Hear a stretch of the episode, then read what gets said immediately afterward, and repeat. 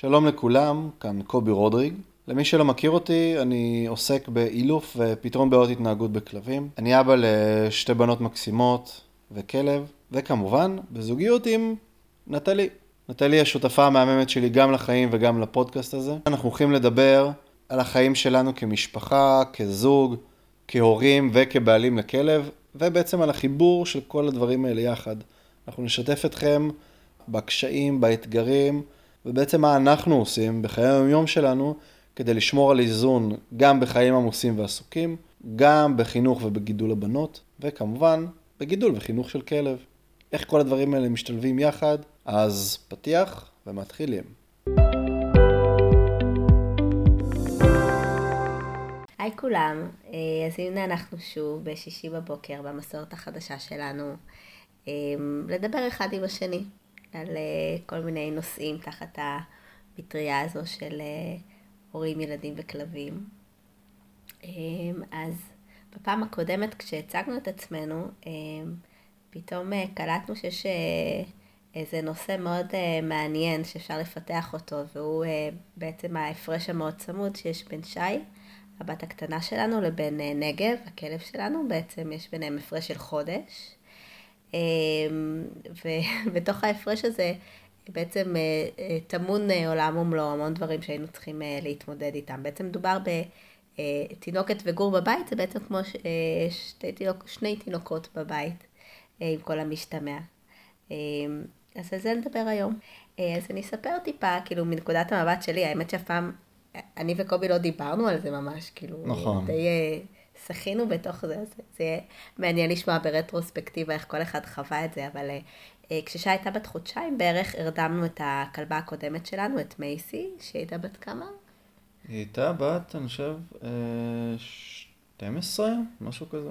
הייתה בת 12. בעצם מייסי הייתה עם קובי עוד לפני שאני הכרתי את קובי, הוא אימץ אותה בגיל... גיל חמש וחצי. גיל חמש וחצי. ואני ידעתי שכאילו אחרי שנרדים את מייסי, שכבר ראינו שזה הסוף, אה, שקובי בטוח ירצה מהר מאוד כלב חדש, כי כלב בשביל קובי זה, זה אוויר לנשימה. אה, וידעתי שזה חייב להיות גור, אה, כי כמו שאמרנו, את מייסי הוא אימץ בגיל חמש וחצי, עם המון המון אתגרים וקשיים, והוא ידע שאת הכלב הבא הוא רוצה בעצם לחנך מאפס. זהו, בדיוק. היה לי חשוב מאוד לעשות קצת גם תיקון לעצמי, אמ, ובאמת להתחיל את הדברים מההתחלה, שהדברים הם כמה שיותר בשליטתי עד כמה שאפשר, לכן החלטנו ש... נכון, אני החלטתי ונטלי תמכה, ש... שבאמת הכלב הבא יהיה גור. אז, אז באמת אמרתי לעצמי, אוקיי, יש לנו אבל תינוקת בבית, היא בת חודשיים. תראיכם זה גם היה ממש uh, תחילת הקורונה, זה היה כשיצאנו מהסגר הראשון. ואצלי בראש זה היה, אוקיי, כאילו נחכה כמה חודשים, נתרגל לסטטוס הזה של הורים לשתיים, גם עבור אה, כרמל הייתה צריכה להתרגל לסטטוס הזה של אה, אחות בכורה, ואחרי ש, שטיפה נתרגל, משם נתקדם. אז אצלי בראש זה היה כמה חודשים, אבל מסתבר שאצל קובי זה היה עניין של כמה שבועות. זה, זה תקופת הצינון שהוא חשב עליה. וגם הכמה שבועות האלה, אנחנו נדבר על זה בהמשך, זה... בוא נגיד ככה, זה יצטמצם עם הזמן.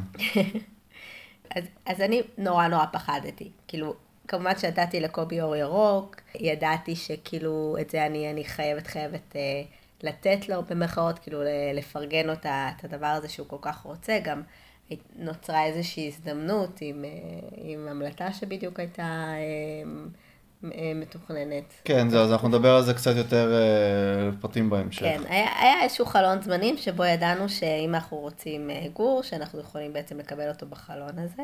ואני פחדתי נורא, אני באמת שקשקתי, אבל כאילו התמסרתי לזה, קובי הבטיח לי שיהיה בסדר, אז, אז אה, שמחתי עליו, ובאמת היה בסדר. כאילו, ואני חייבת להגיד שבמבט לאחור, זה, אני חושבת שזה עבד, כי זה באמת נעשה עם המון אחריות וגם עם המון אה, תכנון.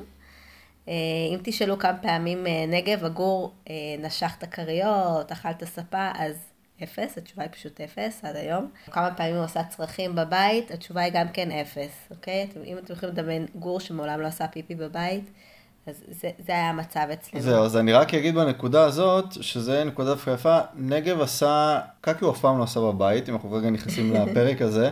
אה, פיפי יצא שהוא עושה, אני יכול לספור על יד אחת את כמות הפעמים שהוא עשה, וגם זה היה ממש באשמתי, אבל זה היה חלק כל כך כל כך זניח, שאת אפילו לא זוכרת נכון, שהדבר הזה נכון. יתקיים בכלל. נכון. כאילו, אם מדמיינים גור, אני יודעת שלפני שאנחנו אה, קיבלנו את נגב, אז דמיינתי כאוס בבית, המון המון בלאגן, קפיצות, צרכים בכל מקום, נשיכה של כל הרהיטים, אה, וזה לא היה. זה באמת גם זיכרון שלי, אפילו פיפי לא היה. אה, אבל אני חושבת שלפני שהבאנו את נגב, הבנו שאנחנו צריכים להיערך לזה בדיוק כמו שמשפחה נערכת ל...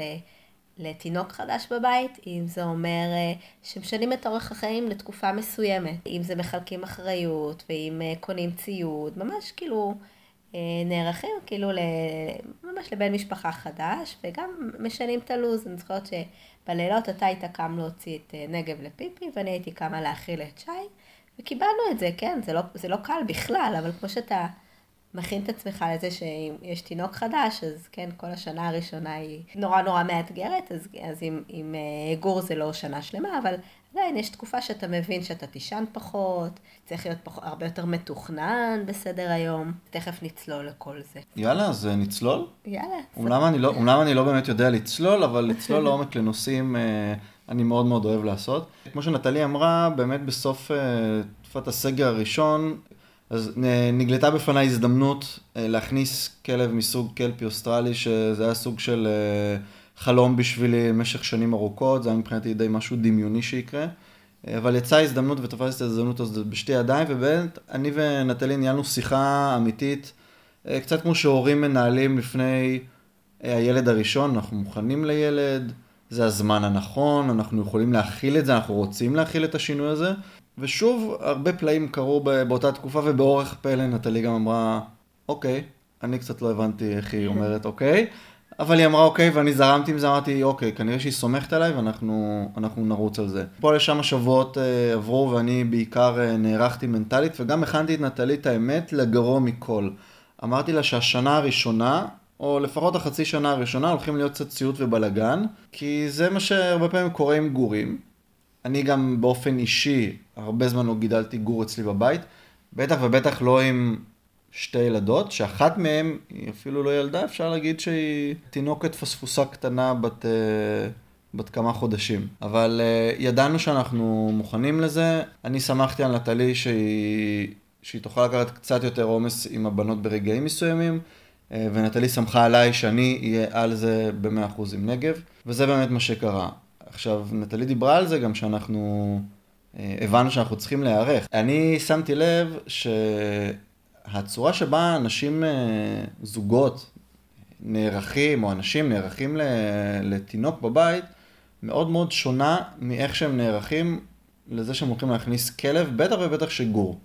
זאת אומרת, עם גורים, כלבים, ההיערכות כמעט ולא קיימת, זה נעשה בצורה מאוד... Uh, הרבה פעמים אמוציונלית, אימפולסיבית רגעית כזאת, טוב, אנחנו רוצים כלב, בואו נביא כלב, בלי לחשוב על ההשלכות, בעוד שעם עם, עם תינוקות, זה מתחיל מהאם זה הזמן הנכון, האם אנחנו יכולים להכיל את זה כלכלית, האם אנחנו, האורח חיים שלנו מתאים לזה. כשענינו על כל הדברים האלה, אנחנו מתחילים לעשות, אולי נעשה בדיקות גנטיות, אנחנו רוצים להבין מה קורה, אם אנחנו עושים את הדברים נכון. קונים ציוד, איזה ציוד קונים, מה הילד צריך, אם זה בן או בת, כל אחד... אה, עושה את, ה, את הרכישות שמתאימות לו, אבל עושים מחקרים מעמיקים, לפעמים במשך מספר חודשים, ועם כלבים זה לא קורה. אבל אני חושב שאחד הדברים שעזרו לנו להתמודד עם נגל, לפחות בשנה הראשונה, שלרוב זאת גם השנה המאתגרת, זה באמת היערכות טוטאלית. אני ידעתי, א', איזה גזע כלבים אני רוצה, ואיזה גזע כלבים הולך להיכנס אליי הביתה. אני גם ידעתי איזה כלב ספציפי הולך להיכנס אליי הביתה, ואני ראיתי גם השוואה בינו לבין שאר האחים שלו. אה, ואני ידעתי איזה אופי אה, צפוי להיות לכלב הזה, ועם מה אני אצטרך להתמודד איתו.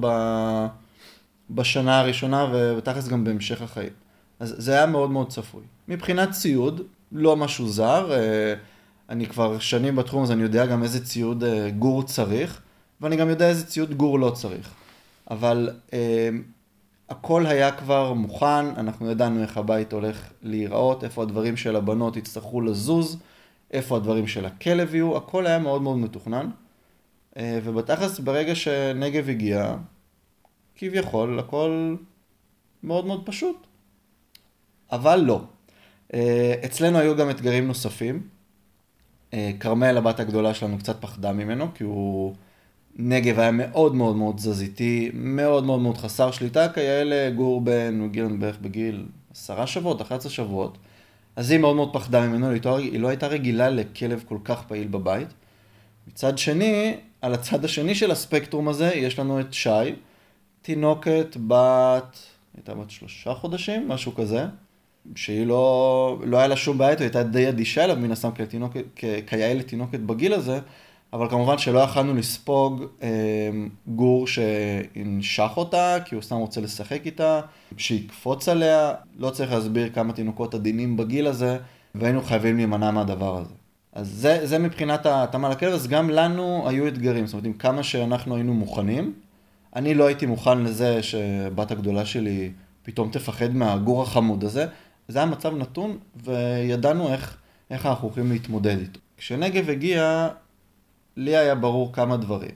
א', אני אחראי עליו, וזה היה גם חלוקת האחריות ביני לבין נטלי, ואני חייב להגיד שאומנם זה קשה כפליים לגדל גור, ושיש לנו גם תינוקת בת שלושה חודשים בבית, אבל בתכלס כשחושבים על זה ומבינים באמת מה המשמעות של גור, אז זה שוב, זה כמו לקום לתינוק שלוש, ארבע פעמים בלילה, עם שי ספציפית זה היה פעם או פעמיים, אבל נראה לי גם עם נגב קמת פעם אחת לפיפי. אבל נכון, לא אבל, נכון, אבל העיקרון הוא זה שכשיש לי גור בבית, אני מוכן לזה שאני אצטרך לקום בלילה להוציא אותו לצרכים.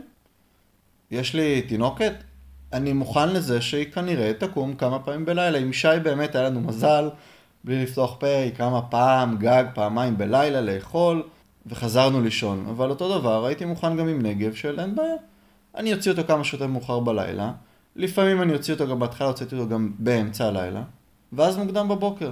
זאת אומרת, בתכלס, ה... הלילה שלי היה כמו לילה עם תינוקת שאין לי כלב בבית. אה, פשוט אם אני יצאתי עם נגב, אז נטלי ידעה את זה שזה כרגע הסדר יום שלנו, ונטלי קמה אליה, ואנחנו ידענו שככה אנחנו מחלקים את, ה... את האחריות. רציתי לשאול, דיברת על זה ש... נגיד עם נגב ידעת איזה גזע הוא ואיך, ואיך להיערך אליו מבחינת הטמפרמנט, או אמ, איך, איך הוא צפוי להתנהג, אבל אה, מה קורה עם אה, משפחות ש, שמאמצות כלבים והן לא יודעות בדיוק מה, מה צפוי להם, איך הם בכל זאת יכולים אה, להיערך? או oh, וואו, אז א', את, את פה מקפיצה כבר עוד נושא לפודקאסט, לפודקאסט שלם, זה אפילו לא פרק, mm-hmm. אבל uh, באמת יש בעניין, אני אגב, אני מאוד בעד אימוץ, אני מאוד בעד אה, קניית כלב, זאת אומרת שכל אה, כל אדם, זוג או משפחה יעשו את הדבר הנכון שמתאים להם, אבל גם באימוץ כלבים חשוב לדעת איזה כלב אנחנו מכניסים הביתה. אה, גם אם אנחנו מדברים על גורים, לא כל גור הוא אותו דבר. כל גור, גם אם זה גור מעורב, הוא מעורב במשהו. יש לו אה, אופי ונתונים שהוא קיבל אה, מההורים שלו, שלאורך הזמן הוא גם ספג מהסביבה, וזה דברים שכשאנחנו מאמצים כלב, אני רצוי לפחות שאנחנו נדע כמה שיותר מהנתונים האלה, ואני חייב גם להגיד בשיא הכנות, ברגע שאנחנו מאמצים גור, שאני לא יודע בכלל מאיפה הוא הגיע ומה עבר עליו, אנחנו לוקחים כאן ריזיקה מאוד מאוד גדולה. אין בעיה לקחת את הריזיקה הזאת, אבל צריך לדעת שלוקחים ריזיקה. לכן מאוד מאוד חשוב לדעת, גם אם אתם מאמצים, חשוב שתשאלו את השאלות הנכונות, ועל זה אנחנו נעשה פרק בנפרד על איך לאמץ נכון, ואת צודקת, זה באמת משהו שחשוב שאנשים ידעו, כי לא כולם רוצים אה, לקנות כלב, וזה בסדר גמור, אבל אם אתם בוחרים ללכת בנתיב של לאמץ כלב, חשוב שאתם תדעו איך לעשות, איך לעשות את זה נכון, חשוב שתדעו גם איזה שאלות לשאול, ואפילו להתלוות ל... עם איש מקצוע, שיבוא איתכם לעמותה ויעזור לכם לאמץ. אז, אז אם שנייה, אז אנחנו מבינים שכל הנושא של איך לאמץ, איך לבחור, זה נושא בפני עצמו.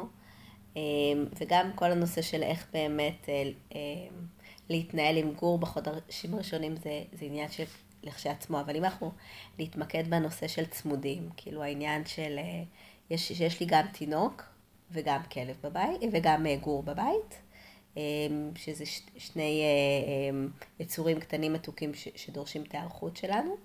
אז אם אתה צריך איזה שהם אה, חוקי אצבע, אוקיי? בין אם, בין אם אתה לא יודע, אתה לא מתמקד על גור מגזע מסוים או עם היסטוריה מסוימת, אם יש חוקי אצבע של איך להיערך בבית, לדוגמה דיברת על הרחקה של האזור המרבץ, נגיד המשטח פעילות של התינוק, לעומת האזור של הכלב, איך תוחמים אותו, אם זה כלוב, אם זה גדר, איך משלבים יחד את הטיולים, כאילו יש לך כמה, נגיד, עקרונות כן, שאפשר כן. לצייד את המאזינים שלנו? כן, כן, בוודאי. אז א', יש אה, עיקרון מאוד מאוד פשוט, שאגב, אנחנו גם עושים את זה עם ילדים, אה, וזה נובע גם מהצורך של ילד ובהתאם לגיל שלו. שמירה על סדר יום. נכון? גם עם תינוקות והורים לתינוקות טריים מאוד מאוד ברור להם, הם יודעים בדיוק מתי התינוק שלהם צריך לאכול, או לפחות כשהוא בוכה אם זה בכי של אוכל, או סתם כואבת לו הבטן. זאת אומרת, יש לנו סדר יום מאוד מאוד ברור עם התינוקות שלנו, זה משהו שקצת חסר אה, עם גורים ועם כלבים באופן כללי, אנחנו נתרכז כרגע בגורים. סדר יום ברור. מתי הגור אוכל, מתי הגור משחק, מתי הגור מסתובב חופשי בבית, מתי הוא בתיחום שלו. Uh, הכל מאוד מאוד מאוד סדור, ואני דואג גם לשלב את זה כמה שיותר ביחד עם הסדר יום שלי בבית עם התינוק. ואני אגיד את זה גם מה קורה כשאני לבד בבית. כי היו ימים גם שאני הייתי לבד בבית עם שי ועם נגב, ואיך אני מתנהל עם שניהם עכשיו. Mm-hmm. אוקיי. אז א', יש את התיחום של נגב. לנגב יש את הגדר, את הכלוב, זה לא משנה כרגע מה, יש לו איזה תיחום מסוים שהוא גם יודע ששם הוא נח, שם הוא רגוע, הכל טוב, הכל בסדר, הדבר הזה זה לא עונש. גם על זה אולי אנחנו באמת נעשה אה, פרק בנפרד של איך מתנהלים עם תיחום לכלב. ולשי, בואי, בהתחלה הרי בגיל חודשיים, תינוקות לא עושים יותר מדי, יש לה את המשטח פעילות, אה, יש לה את מה שקוראים לזה אוניברסיטה, אני קורא לזה מכללה. אה, יש לה את האזור פעילות שלה, יש לה את הצעצועים שלה, האזורים הם מאוד מאוד מופרדים. למה האזורים מופרדים? למה חשוב שתהיה הפרדה? א', כדי שלנגב יהיה ברור, נגב חמוד, אתה, יש לך את התיחום שלך, אם אתה רוצה לשחק במשהו, יש לך את הצעצועים הייעודיים אליך, שזה גם צעצועים שאני דואג להביא לו כשהוא בזמן משחק עכשיו, וזה לא צעצועים שפזורים כל הזמן. ולשי יש את הצעצועים שלה, אני גם דואג שהצעצועים שנגב משחק איתם לא יהיו דומים במרקם לצעצועים ששי משחקת איתם, כדי שלא יהיה בלבול. שוב, אם תזכרו, נחזור קצת לפרק הקודם בפודקאסט, דיברנו על זה שאנחנו רוצים שדברים יהיו ברורים אה, ולא משתנים לשני פנים. אני רוצה שכשגור נחשף לצעצוע מסוים, יהיה לו גם מאוד קל להבין מה, מה שלו ומה מה לא שלו. אז ככה אנחנו עושים את ההפרדה. אז אם נגב מחוץ לכלוב עכשיו, כי הוא רוצה לשחק, ווואלה, הבאתי גם כלב הביתה גם כדי ליהנות ממנו, לא רק כדי שהוא יהיה אה, בתיחום או בטיול בחוץ, אז או שאני מלטף אותו, או שאני נותן לו תעסוקה מסוימת, או שאני מתרגל איתו טריקים, אה, פקודות משמעת, לא משנה מה. אבל מה קורה עם שי בזמן הזה? תינוקות בגיל כמה חודשים ישנים לא מעט. אז אני דואג שאת הפעילות שלי עם נגב אני עושה כששי ישנה, וכששי ערה אני דואג שנגב ינוח, אה, וככה מאוד מאוד קל לנהל אה, לוז של שני יצורים חיים וחמודים, אה, כשזה סוג של double booking. זאת אומרת, יש שניים שצריכים את התשומת לב שלי, אבל אין בעיה, אני יכול אה, להרגיל כל אחד ל... זאת אומרת, נגב אתה נח עכשיו, שי עכשיו בפעילות, וזה מאוד מאוד פשוט להתנהל ככה. אגב, גם אם נגב לא נח ושי בפעילות, אין בעיה, יכול אה, לא לנוח בתיחום שלו. אין בעיה, יש הפרדה. לי כהורה מאוד מאוד קל להתנהל ככה. אחרת זה באמת בלתי נסבל וזה מאוד מאוד קשה, כי גור, כמו תינוק, עדיין לא מבין מה רוצים ממנו. הוא רק רוצה לחקור את העולם. הוא לא מבין עדיין גבולות, אז זה הכל בלאגן. אז זה באמת מאוד מאוד קשה אם יש לי גם תינוקת בת שלושה חודשים וגם גור בן חודשיים, שהם שניהם עכשיו אחד על השני בבית, זה נהיה אה, קטסטרופה. אז אם אנחנו אומרים, אוקיי, אנחנו נעשה רגע סדר, הדברים מתנהלים כבר בצורה הרבה יותר אה, שפויה. אז הבנו את הסדר היום והבנו את הקטע של אה, אה תחנות, אני קוראת לזה, אני זוכרת שכאילו... כשהייתה תינוקת היו כאילו מין מקומות קבועים שאנחנו יכולים להניח אותה, אם זה על הפוף או אם זה על המשטח פעילות, מקומות שהיא רגילה להיות בהם כשהיא ערה. אמ, אה, בזמן שנגיד סתם שוטפים כלים או משהו, אז היא, היא כאילו אה, על המשטח פעילות. נכון. ואז נגב בזמן הזה אה, בכלוב שלו. וכל אחד, כאילו גם באזור נוחות שלו, זה אזור ביטחון שלו, שבו הוא רגיל להיות, שבו הוא רגיל לשהות. בדיוק, עכשיו... ובתקופת האירוע. עכשיו, סליחה שאני כותב, דיברנו על אזור נוחות. חשוב מאוד שהתיחום של הכלב לא יהיה על אזור הצעצועים של, ה... של הילדים. כי שם הם משחקים, שם הם רגילים שיש אה, הרבה פעילות, אבל אני רוצה להרגיל את הכלב הרי שכשהוא בתיחום, אז יש לו גם את השקט שלו. Mm-hmm. ויש לו את הרוגע, לכן אנחנו לא מאפשרים, לפחות בתור התחלה, לגור, להיות על משטח הפעילות של התינוק, ואני לא מאפשר לתינוק להיות במה שנקרא באזור המנוחה של הכלב. יש לי שתי שאלות. אה, אחת, אה, הם לא נפגשים אף פעם? כאילו, איפה יוצרים את ה... כן את המפגשים של. של, של הגור והתינוק, או ש... שבתקופה הראשונה אנחנו עדיין לא מאפשרים את זה, כאילו איך מלמדים אותם להיות יחד, אבל עדיין לתת כבוד אחד לשני. אמ, ושאלה שנייה, אם אנחנו מדברים על שלושה חודשים, אבל מה קורה בגיל חצי שנה, שהתינוק מתחיל להתהפך ולזחול קצת, כאילו הוא כבר לא נח במקום אחד, כאילו איך, איך, זה, איך אתה חי וזה לא מטרטר אותך שכל רגע אתה צריך להרחיק את התינוק. אוקיי, okay, אז, אז אה, שאלות מעולות, כי מצד אחד יש פה את, ה, את הבלנס של איך אנחנו יוצרים את הקרבה, ומצד שני, איך אנחנו יוצרים את ה... בכל זאת צריך לעשות איזה קצת הפרדה, כשהם שניהם מאוד מאוד נהיים תזזיתיים בבית. אז אני אתחיל מה, מהדבר הראשון, מתי אנחנו אז כן עושים את ה... מתי אנחנו עושים את ה bonding הזה בין התינוק לכלב? אה, וזה אגב, גם כשאין תינוק, אז הרבה שואלים אותי, אז אוקיי, אז מתי אני אמור אה, ללטף את הכלב? אז מתי אני כן יכול להתפנק איתו? אני אומר, כל עוד, וזה עכשיו במיוחד מאוד רלוונטי להימצאות תינוק, כל עוד הכלב רגוע, ואני לא אומר עייף, כי יש כלבים שהם עייפים והם לא רגועים, אז כל עוד הכלב רגוע, הגור רגוע, או עסוק, ואני תכף אגיד גם מה זה עסוק, הוא יכול להיות בקרבה ובהיצמדות לתינוק. עכשיו, יש כלבים שיש להם טמפרמנט מאוד מאוד מלו כזה, רגוע, לא משנה הגיל, הם כלבים הם, מאוד עדינים, מאוד רכים בתגובה שלהם. עם גורים כאלה אני יכול לאפשר קרבה רוב שעות היום, עם זה אין שום בעיה, אבל כשיש לי כלב, שוב מגזע קלפי אוסטרלי, מאוד מאוד מאוד אנרגטי, סוג של סופת הוריקן מקומית כזאת, אני יכול לאפשר לו להיות ליד שי, ובטח ליד כרמל שגם פחדה ממנו, רק כשהוא אחרי פעילות והוא עייף ורגוע, ואז מה שקורה פה, הוא גם מתרגל לגירוי ש... שקוראים לו ילדה או תינוקת. זאת אומרת, הוא מתרגל להימצאות הגירוי הזה, ושהגירוי הזה הוא, הוא נחמד בבית, זה לא משהו מאוד מאוד מרגש. אני רוצה שהוא, שהוא... שכן יהיה לו bonding עם הבנות, אבל שהם לא יהוו עבורו אה, גירוי אה, מרגש ומקפיץ, כי כולנו יודעים, כל מי שאי פעם היה לו גור, יודע מה קורה כשגור מתרגש. הוא קופץ, נושך, אולי גם בהמשך בגלל זה גם עושה פיפי, אז אני רוצה מאוד רוגע בקרבה שלהם. אז שוב, רק כשהוא רגוע, או לחילופין, וזה משהו שעשינו המון עם כרמל, שהיא גם קצת פחדה ממנו, זה לעשות את הקרבה הזאת כשנגב עסוק במשהו אחר, שזה בכלל לא הבנות. ואז פה גם הבנות מתרגלות בצורה מאוד מאוד בריאה ונכונה להימצאות גור על ידם, במיוחד מי שמפחד מגור, אמ, שזה בסדר, הגור לידי, אבל היי, הוא עסוק עם אבא בכלל, היי, מגניב, הוא נשכב, היי, הוא יושב, היי, הוא עושה טריקים, איזה יופי. הגור הזה מאוד מאוד מעניין. ונגב גם בעצם רואה שאוקיי, יש תינוקת שוכבת פה לידי, סבבה, אני מבין מה אני אמור לעשות במצב הזה.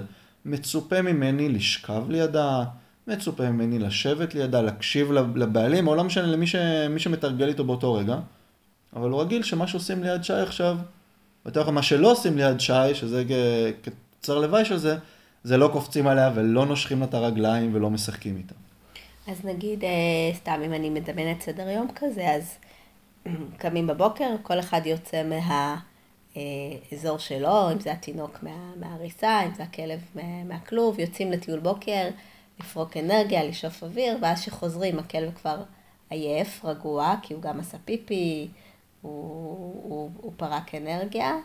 Uh, התינוק גם, כאילו, הוא רגע חזר מהמון גירויים בחוץ, התינוק על המשטח פעילות, uh, משחק, הכלב לידו רגוע, אולי עם איזה צעצוע עצם או משהו, כאילו, והם שניהם כרגע אחד ליד השני, אבל כאילו אין את, ה, את האנרגיה, הם כבר פרקו בחוץ. נכון, בדיוק, וגם צריך לזכור שבאמת גם לתינוקות, עצם הטיול ברחוב, זאת אומרת, לראות מכוניות, עצים, אמ, צבעים, אנשים, שמיים, זה, זה דבר מאוד אה, מעייף מנטלית, וגם לגורים, במיוחד אם מדובר בגיל כמה שבועות או כמה חודשים בודדים, עצם ההימצאות בחוץ זה כבר משהו מאוד מאוד מעייף. אז לא תמיד, אגב, אה, אחרי טיול, צריך עוד להמשיך לפרוק אנרגיה. לפעמים הגור, כל מה שהוא צריך אה, זה להגיד לו, תנוח רגע. "או, בוא תנוח, אתה רוצה, תלעס איזה משהו קצת אה, נחמד, אבל בעיקר, תהיה כן. רגוע, הכל בסדר.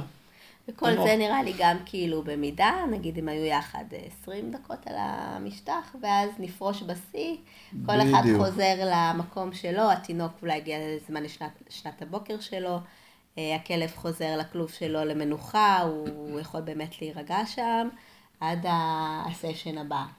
צביון בדיוק, הלפרוש בשיא זה בעצם שם המשחק בכלל ב... בטיפול בכלבים, באילוף בכלבים, ואגב, גם עם ילדים, זה לפרוש בשיא, זאת אומרת, הגענו לאיזה, לנקודה טובה, גם אולי אנחנו נגיע לנקודה יותר טובה, גם לנקודה מספקת, הם שניהם רגועים, נהנים מחברת אחד מהשני, אוקיי, זהו. פה, פה סיימנו. עכשיו אני אני רוצה לענות לשאלה השנייה שלך של, אוקיי, בסדר, אה, סבבה, נגב כבר בגיל חצי שנה, שי גם גיל שבעה חודשים כבר, מתחילה, אני חושב גיל שבעה חודשים כבר זכלה, נכון? משהו כזה. אה, אוקיי, אז מה עושים עכשיו? כי בסדר, יש לה מקום של נגב, אבל למה שהיא לא תזכה לשם? או, אז זו שאלה נפלאה שאני שאלתי את עצמי ואותך עכשיו. אל תשכחו שאנחנו בעצם מגיל כלום, אה, הרגלנו את שניהם שלכל אחד יש את המקום שלו. זאת אומרת, נגב כבר יודע שלמשטח פעילות של, אה, של שי, או לצעצועים של כרמל, או לצעצועים של שי, הוא לא מתקרב, יש לו דברים אחרים לעשות. שי, וגם כרמל, כרמל עוד למדה את זה מהכלבה הקודמת, הם למדו שלכלוב של נגב לא מתקרבים. במיוחד כשהוא שם, לא מתקרבים לכלוב שלו, אבל גם כשהוא לא בכלוב, עדיין לא נכנסים לו לכלוב. זאת אומרת, זה, זה המקום הפרטי של נגב, כי אם הוא ירצה מתישהו להיכנס פנימה לנוח, אני לא רוצה שהוא פתאום מגלה שיש שתי פספוסות שמשחקות לו שם ועושות לו שם רעש, כשהוא סך הכל רוצה את הפינה השקטה שלו. אז זאת הנקודה, וזה לא נקודה ש... זה לא משהו שמופיע כרם ביום בהיר, אוי, עכשיו היא מתחילה לזחול, מה אנחנו עושים? כבר בדיפולט תהיה לה פחות נטייה לזחול למקום שלו, ואגב, אותו דבר גם לכלי האוכל ולכלי המים שלו. זה לא שיש לי איזה בעיה ששי תיגע לו באוכל או במים, אבל איזה סיבה יש שזה יקרה? אז אנחנו מונעים את הדבר הזה מההתחלה ואנחנו לא מייצרים שם עניין. אמ, מה שאני עונה להורים ששואלים אותי, מה אני עושה עם הכלב, עם ה... סליחה, עם התינוק זוחל אה, לצעצועים של הכלב או לכלב כשהוא נח בכלוב? השאלה שלי תהיה, מה תעשו אם התינוק זוחל עכשיו לכיוון אה, שקע חשמל? כנראה שתזיזו אותו, אבל אז אומרים לי, אבל הוא ממשיך לזחול, זה, זה מצחיק אותו. אוקיי, אבל אם הוא ימשיך לזחול לשקע חשמל, מה תעשו? כנראה שאו שתסתמו את הגישה לשקע, או שתחסמו את הגישה לשקע חשמל, או שתמשיכו להזיז את התינוק שוב ושוב ושוב ושוב עד שהאסימון ייפול והוא יבין. אה, ודבר נוסף זה פשוט לנתב את, ה... את הצורך של התינוק ב... במשחק עכשיו, במשחק אמיתי. זאת אומרת, אתה לא יכול, נגיד עם שי, כשהיא ניסתה לזחול אה, לכלוב של נגב, שוב, פעמים מאוד מאוד בודדות, אז הזזנו אותו למשטח פעילות פעם, פעמיים, כשראיתי שזה לא עוזר, לא, הוצאתי איזה צעצוע שהיא לא שיחקה איתו הרבה זמן ומאוד מאוד מלהיב אותה, והסברתי לה, המשטח פעילות והצעצוע, זה כן, נגב, לא מתאפשר. אפילו לא, לא אמרנו לה יותר מדי לא לגשת לשם, פשוט התעסקנו יותר במה אנחנו כן רוצים שתעשי, ותראי שלנגב את לא יכולה לגשת פשוט. כן, זה קצת מתחבר למה שאמרנו בפרק הקודם, שתכלס קודם כל זה להגדיר לעצמך בראש מה, מה הגבולות, מה, מה אתה רוצה שיהיה. כאילו, אם לנו ברור שאנחנו לא רוצים ש, שהתינוק יזחל לכלוב, אז זה איזשהו קו אדום, בדיוק כמו לא לגעת בחשמל, או לא יודעת מה, לא לטפס עכשיו על, על רהיטים. אז ברגע שזה קורה, כאילו ברוגע בנחת להרחיק, ואז להרחיק שוב ולהרחיק שוב, אם צריך להביא גירוי אחר, אבל כאילו לא... זה, זה, זה קו אדום, כמו כל דבר אחר, שברגע שאני מגדירה אותו מראש לעצמי, מאוד קל לי אחר כך לאכוף את זה. זהו, נכון, אז אני אוהב להשתמש במונח באמת של קו אדום, כי זה נשמע מאוד uh, טוטאלי ורציני כשאני מסביר את זה לאנשים מבחוץ, אבל פשוט התייחסו לזה כאל, כאל גבול. עכשיו, הסיפור גם עם, עם תינוקות, אני זוכר, זה היה קורה גם עם שי, כשניסית לעשות לה קוקו והיא ברחה לך וניסית לעצור אותה וזה לא עבד. ואז אמרת, אבל זה לא עוזר, היא ממשיכה ללכת. אבל אם תנסי שוב ושוב ושוב ולא תוותרי, בסוף זה כן יעבוד, וזה קורה גם הרבה פעמים גם עם כלבים, שמנסים אה, ללמד כלב משהו, אפילו לקרוא לגור, גור קטן, הוא לא מבין מה אני רוצה ממנו, הוא מנסה לקרוא לו, והוא לא בא. ואז אנשים מתחיל לרדת להם, יש להם קצת פגיעה באגו, וזה לא עובד, ואני מאבד את הביטחון. והגור לא מקשיב לי, וזה, ואז אומרים, הנה קובי, הוא לא מקשיב לי. ואז אני עושה בדיוק אותו דבר, אני פשוט ממשיך עוד פעם אחת לקרוא לו, או קצת יותר התלהבות. והי, איך הגור מקשיב לך? אני באמת שלא קוסם, אני פשוט מבין מה, מה הוא רוצה ומה הוא צריך. וגורים, כמו ילדים, צריכים תקשורת, וברפיטטיביות, זאת אומרת בחזרתיות, לחזור על זה שוב ושוב ושוב, הם בסוף מבינים. אז גם אם אני הזזתי את שי פעם, פעמיים, שלוש, והיא ממשיכה לגשת, כי זה קצת מצחיק אותה, אז אני אמשיך לעשות את זה, והיא בסוף תפסיק. אבל אנחנו באמצע, נגיש שהיום אנחנו נכשלים, זה לא, זה לא עובד לי. כן. אז א', שי לומדת פשוט אה, להמשיך להתעקש יותר. אבל באמת, הדברים הם, הם הרבה יותר פשוטים ברגע שאנחנו מבינים מה אנחנו רוצים ואיזה גבול, איזה גבול הצבנו לעצמנו, וזה לא, לא חייב להיות גם תמיד בראש ב, בצורה של קו אדום, בל יעבור, אסור. יש גבול פשוט מאוד מאוד ברור. לא זוחלים לכלוב של נגב, במיוחד כשנגב בפנים. וזהו, זה מה שקורה. נראה לי שזה גם דורש באמת להאמין לגבול הזה. כאילו זה צריך להיות גבול שאני מרגישה שהוא באמת צריך להיות גבול, ולא כי מישהו אמר לי.